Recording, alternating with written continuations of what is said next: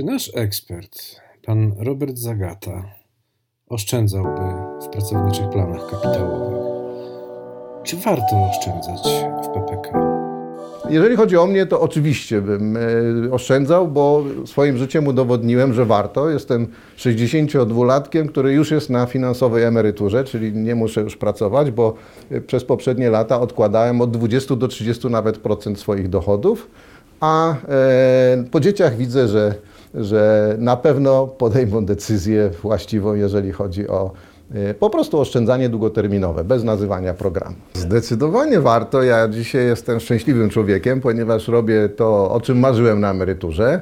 Niestety obserwuję y, moje koleżanki, które mają w tej chwili powyżej 60 lat i większość nie przeszła na emeryturę, dalej pracują, bo jak dostały z ZUS-u ten pierwszy dokument emerytalny na poziomie 1200-1500 złotych, no to nie starczy na te przysłowiowe waciki, w związku z tym dalej pracują. E, z kolegami trochę inaczej, no bo tych 65-latków w moim bliskim gronie jest niedużo, ale raczej też nikt się nie wybiera natychmiast na emeryturę. E, też chcą jeszcze albo no nie chcą siedzieć po prostu na emeryturze, e, albo, albo nie, nie, nie stać ich jeszcze na emeryturę. A to i tak jesteśmy pokoleniem, które ma całkiem przyzwoity poziom emerytur, dlatego że nas jeszcze dotyczy kapitał początkowy, czyli za te lata wypracowane w socjalizmie, a to stopniowo zanika. I dzisiaj stopa zastąpienia, czyli stosunek ostatniej e, pensji do pierwszej emerytury wśród moich znajomych będzie się kształtował na poziomie 60-50%, ale już za kilka lat, kiedy kapitał początkowy zniknie z obliczeń ZUS-u emerytalnych, no to następne pokolenia zejdą na poziom 40%. E, a już za 20 lat Państwo tacy młodzi, no to będziecie mieli emeryturę, na poziomie 1 trzecia ostatniej pensji. To jest bardzo duży szok, jeżeli chodzi o e, z dnia na dzień. Tak jak ja teraz stać mnie na przyjemności, o których marzyłem. Nie będę ich tu wymieniał, bo się ktoś może zdenerwować.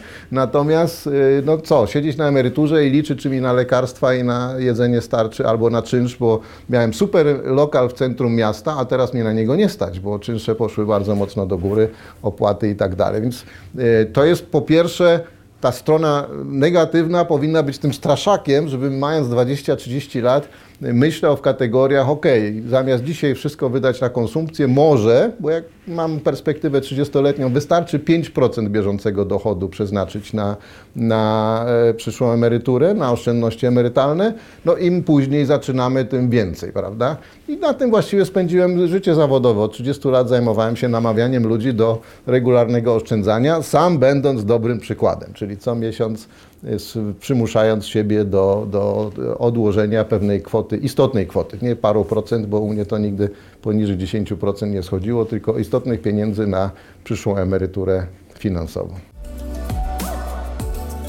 Po więcej informacji na temat pracowniczych planów kapitałowych zapraszamy na stronę www.mojeppk.pl.